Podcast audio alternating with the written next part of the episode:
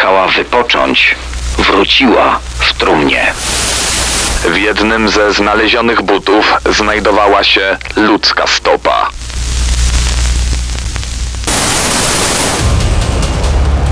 Płatni zabójcy, seryjni mordercy i sceny zbrodni w RMFFM.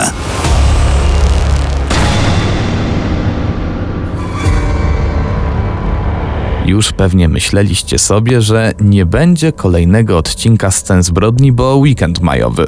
Że może gdzieś pojechaliśmy z walizkami pełnymi przygód i wypoczywamy może gdzieś na jakiejś pięknej piaszczystej plaży. Że zapomnieliśmy o naszych słuchaczach. O nie, nie. Przez cały długi weekend przygotowywaliśmy podcast, który nawiązuje do tego cudownego, majowego, beztroskiego wydawałoby się czasu.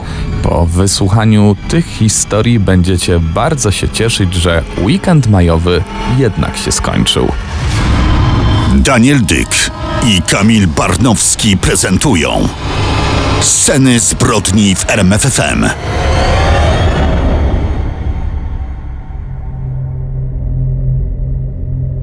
To historia sprzed niemal dokładnie pięciu lat. W tym tygodniu minęła kolejna rocznica i kolejny rok śledztwa, które jak dotąd właściwie niczego nie wyjaśniło. Ale może jak to u nas po kolei.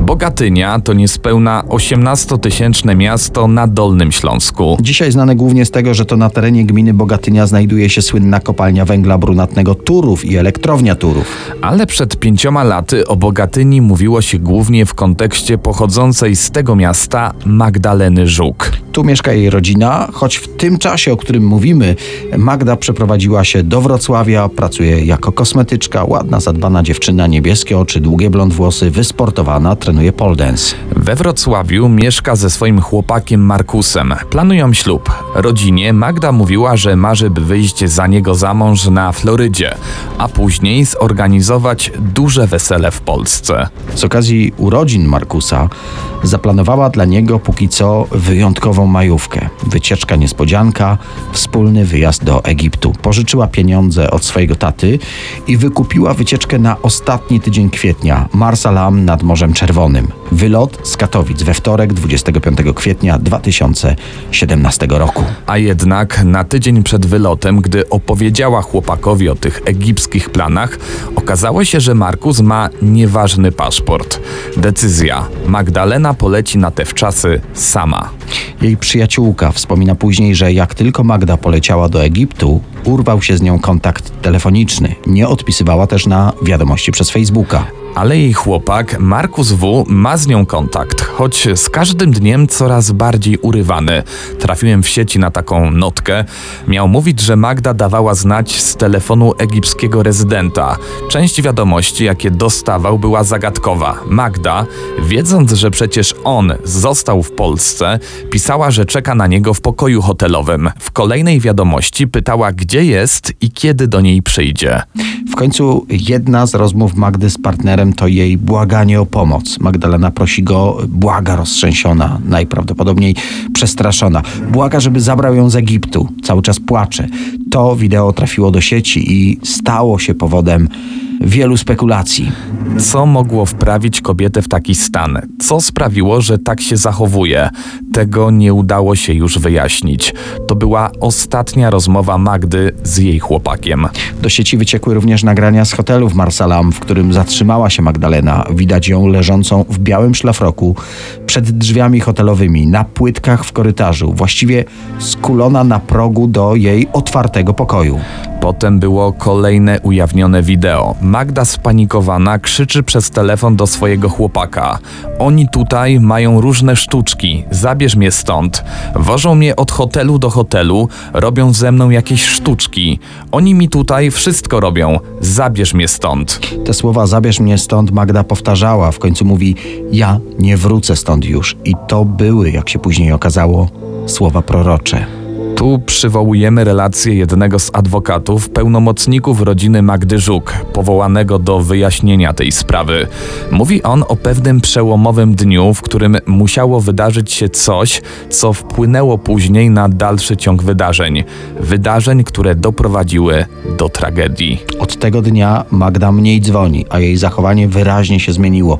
Do jej rodziny w Polsce docierają kolejne niepokojące informacje, a w końcu ta najtragiczniejsza. Wokół tej sprawy narosło wiele plotek, spekulacji. W artykułach w prasie kolorowej pojawiały się wywiady z osobami, które opowiadały, że już w trakcie lotu do Egiptu Magdalena zachowywała się głośno. Świadkowie uznali, że kobieta za dużo wypiła. W czasie pobytu także zwracała na siebie uwagę. Ktoś zapamiętał, że wychodziła dwukrotnie na dach hotelu. W jednym z archiwalnych reportaży telewizyjnych uczestnicy tej samej wycieczki mówią, że pierwszego dnia Magda biegała po hotelu i zaczepiała dosłownie każdego. Kolejny dzień upał, a ona w długich spodniach biega wokół hotelu. W pewnym momencie zdejmuje bluzkę, nie ma nic pod spodem, jest półnaga. Znów ją zakłada i biegnie dalej wokół hotelu.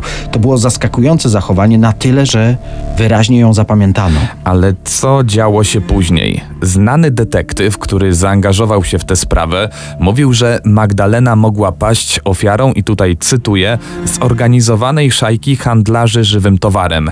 Zacytujmy dalej. Gdy polska kobieta sama przylatuje do Egiptu, rezydenci przekazują sobie, że mają tak zwany łup do zrobienia. Dostajemy wiele informacji, że w Egipcie do drinków podawane są tabletki odurzające. Czy tak było w tym przypadku? Nie wiemy. Mówiliśmy, że spanikowana kobieta zadzwoniła do swojego chłopaka, by zabrał ją z Egiptu. Pamiętamy, narzeczony dziewczyny miał nieważny paszport. Posyła więc po Magdę swojego znajomego. Mówi jej, że przyjedzie po nią rano. A jednak poranka Magda już nie doczekała. Musimy też zaznaczyć, że do tej tragedii mogłoby nie dojść. Magdalena Żuk była na lotnisku. Miała wracać samolotem do kraju. Niestety nie została wpuszczona na pokład samolotu. Decyzja zapadła po tym, jak zmierzono Magdzie ciśnienie. Było, cytujemy oficjalną wersję, za niskie. Podróż samolotem w tym stanie nie jest możliwa. Wycieczka Magdaleny zostaje przerwana. Trafia ona pod opiekę osób trzecich. I to, że ma jakichś opiekunów w Egipcie, też staje się jedną z zagadek ostatnich chwil jej życia. Ostatecznie, ze względu na stan zdrowia, trafia do szpitala.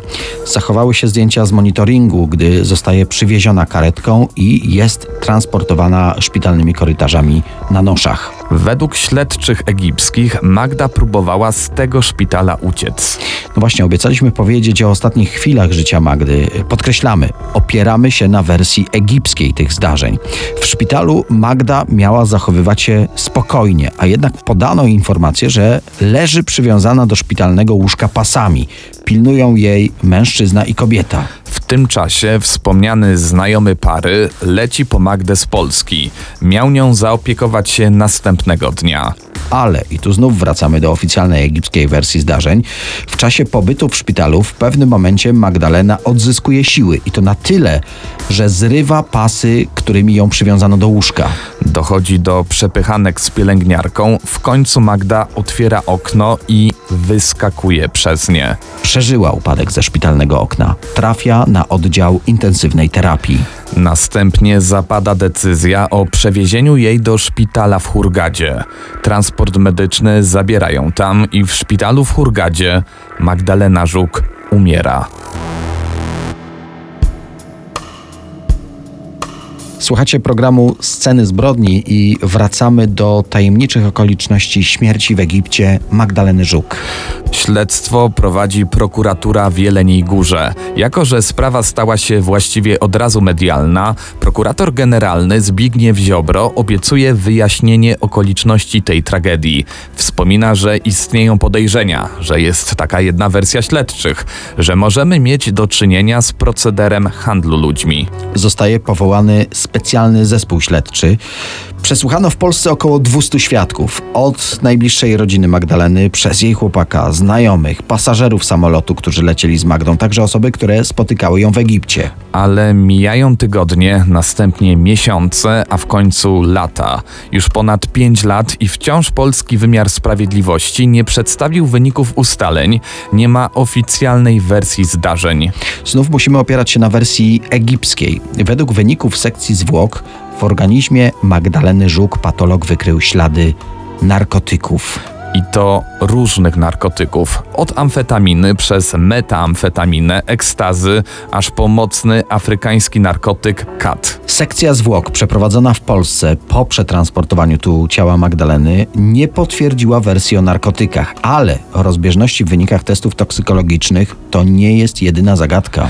Ciało Magdaleny do Polski miało dotrzeć, jak mówili pełnomocnicy rodziny, w formie zmumifikowanej, zbalsamowanej i to było przyczyną tego, że polskie badanie toksykologiczne obecności narkotyków nie miało szans wykryć. Jeśli Magda rzeczywiście była pod wpływem środków odurzających, co w jakiś sposób tłumaczyłoby jej zachowanie, skrajne emocje, stupor, e, turlanie się po podłodze szpitalnej, spanie na progu w otwartych drzwiach do hotelowego pokoju, e, po czym nagły przypływ mocy, zerwanie pasów szpitalnych, szamotanina, wyskoczenie z okna, to rodzi to nowe pytania. Z kim spędziła czas w Egipcie? Skąd miała dostęp do narkotyków? A może ktoś je celowo jej podał? W jakim celu?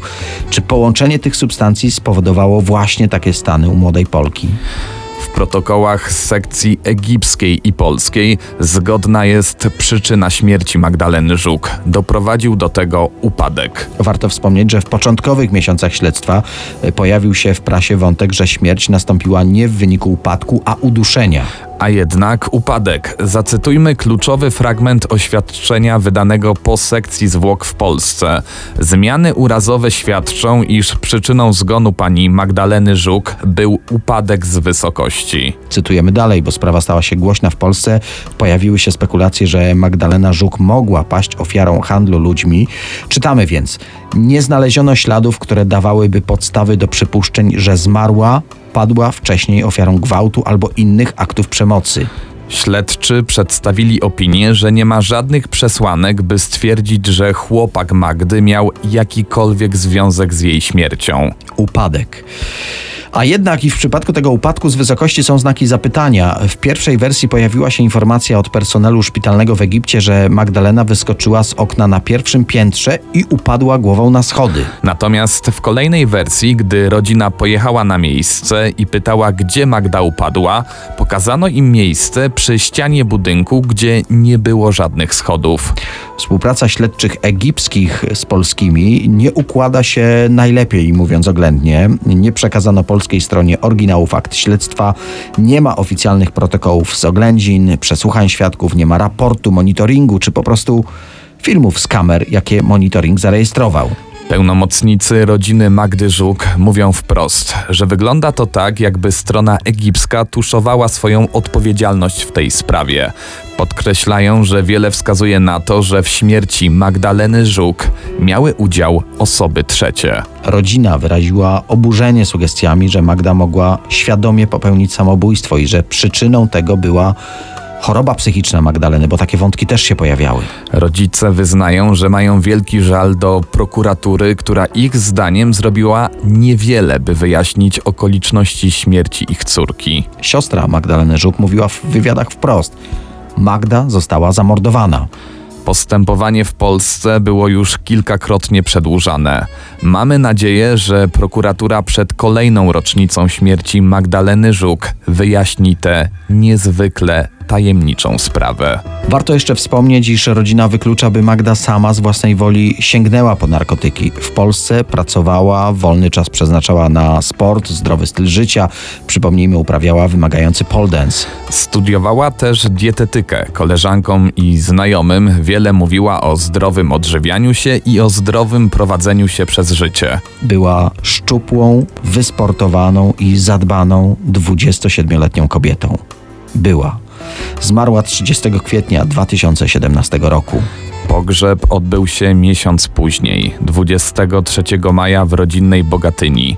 Na cmentarzu zjawiły się tłumy ludzi. Rodzina na jej grobie złożyła wiązanki z jej ulubionych kwiatów, słoneczników. Tato Magdaleny, Tadeusz, powiedział w jednym z wywiadów: Pojechała wypocząć, wróciła w trumnie.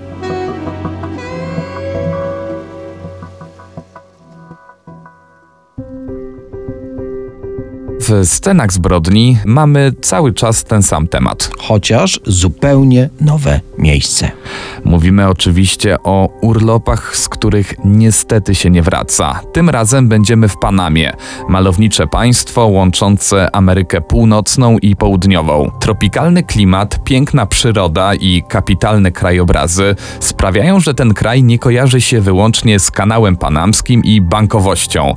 Dla wielu jest to miejsce wakacyjnych wypadów, gdzie można znaleźć swój prywatny raj na ziemi. Ale jak wielokrotnie już pokazał nasz program, nawet w tak urokliwych miejscach zdarzają się makabryczne zbrodnie. Niestety, tak też będzie i tym razem. Bohaterkami tej historii będą dwie Holenderki: 22-letnia Lizanne Fron i 21-letnia Chris Kremers. Wiosną 2014 roku dotarły do Panamy. Pieniądze na ten wyjazd zbierały przez 6 miesięcy. Chris w momencie wyjazdu była świeżo upieczoną absolwentką edukacji artystycznej, natomiast starsza o rok Lizanne ukończyła psychologię stosowaną. Dla Lizanne Fron planowana podróż była nagrodą za ukończenie trudnych studiów. 15 marca 2014 roku dwie przyjaciółki były już w Panamie. Przez pierwsze dwa tygodnie zwiedzały lokalne atrakcje. Następnie 29 marca dotarły do małego miasteczka Boquete, położonego w zachodniej części kraju. To właśnie tutaj zamierzały pomagać lokalnym dzieciom, wykorzystując zdobytą na studiach wiedzę. A przy okazji mogły też szlifować znajomość języka hiszpańskiego. Ten wolontariat miał trwać około miesiąca. Jednak po przybyciu do miasteczka okazało się, że Holenderki mogą rozpocząć naukę dopiero od kolejnego tygodnia. Zdecydowanie nie było im to na rękę, no ale postanowiły wykorzystać ten czas na zwiedzanie okolicy. A trzeba przyznać, że no jest co zwiedzać. W okolicy Boquete znajduje się wiele popularnych szlaków turystycznych przez dżunglę. Do wędrówki wybrały szlak El Pianista. Podczas podróży tą trasą można dostrzec z jednej strony Morze Karaibskie, a z drugiej Pacyfik. W przewodnikach możemy znaleźć informacje o średnim poziomie trudności tej trasy. Z tego co udało mi się ustalić, szlak mierzy 10 km. Całą trasę można zatem przejść w kilka godzin spokojnym turystycznym tempem. Dziewczyny były młode i wysportowane, więc taka wędrówka nie powinna być dla nich żadnym wyzwaniem. 1 kwietnia 2014 roku około godziny 11 Lizanne Fron i Chris Kremers wyszły ze swojego hotelu na tę malowniczą wędrówkę. Na Facebooku pochwaliły się swoimi planami, zjadły też posiłek z dwoma Holendrami, którzy znaleźli się w okolicy. Przyjaciółki na ten dłuższy spacer wzięły psa właściciela domu, w którym mieszkały. Ale mijały godziny, zapadł zmierzch, a Holenderki nie wracały. W międzyczasie do domu przybiegł już czworonóg, który towarzyszył dziewczynom w wędrówce. Rodzice Lizane i Chris byli zaniepokojeni milczeniem swoich córek. To przecież do nich zupełnie niepodobne. Dziewczyny regularnie kontaktowały się z bliskimi. Tym razem telefony dwóch Holenderek były poza zasięgiem. Przypomnijmy, przyjaciółki były widziane po raz ostatni 1 kwietnia 2014 roku. Następnego dnia były umówione z lokalnym przewodnikiem. Wcześniej zapłaciły już nawet za jego usługi, ale dziewczyny na spotkaniu się nie pojawiły. Nieobecność Holenderek zaniepokoiła przewodnika. Skontaktował się on z właścicielem domu, w którym turystki mieszkały. Tego samego dnia zgłoszono zaginięcie Lizane i Chris. Rozpoczęły się zakrojone na szeroką skalę poszukiwania. Okoliczni rolnicy przeczesywali dżunglę. Wszystko na nic. Dziewczyny przepadły jak kamień w wodę. 6 kwietnia do Panamy przylecieli zrozpaczeni rodzice zaginionych dziewczyn. Towarzyszyli im holenderscy śledczy, policjanci z psami i prywatni detektywi. Wyznaczono również 30 tysięcy dolarów nagrody za jakąkolwiek pomoc w odnalezieniu Lizanne Fron i Chris Kremers. Poszukiwania były mocno utrudnione, bo wiele śladów zostało już zadeptanych przez pierwsze grupy poszukiwawcze. Niestety i tym razem starania holenderskich śledczych nie przyniosły przełomu. Ten nastąpił ponad dwa miesiące później. 15 kilometrów od wspomnianego szlaku El Pianista znaleziono plecak. Jak okazało się, należał on do 22-letniej Liza Nefron. W środku znajdowały się ich dwa telefony komórkowe, aparat, pieniądze, paszport Lizane, dwa staniki, butelka wody i przekąski. Zawartość plecaka była w całkiem dobrym stanie. Telefony komórkowe miały rozładowane baterie, ale jak najbardziej działały. Analiza rejestru połączeń rzuciła nowe światło na całą sprawę. Już pięć godzin po wyjściu z domu dziewczyny dzwoniły pod numer 112 i panamski numer alarmowy 911. Kolejne próby połączenia nastąpiły 2 kwietnia. Przez brak zasięgu zrealizowano tylko jedno połączenie z numerem alarmowym. Trwało ono jedynie dwie sekundy.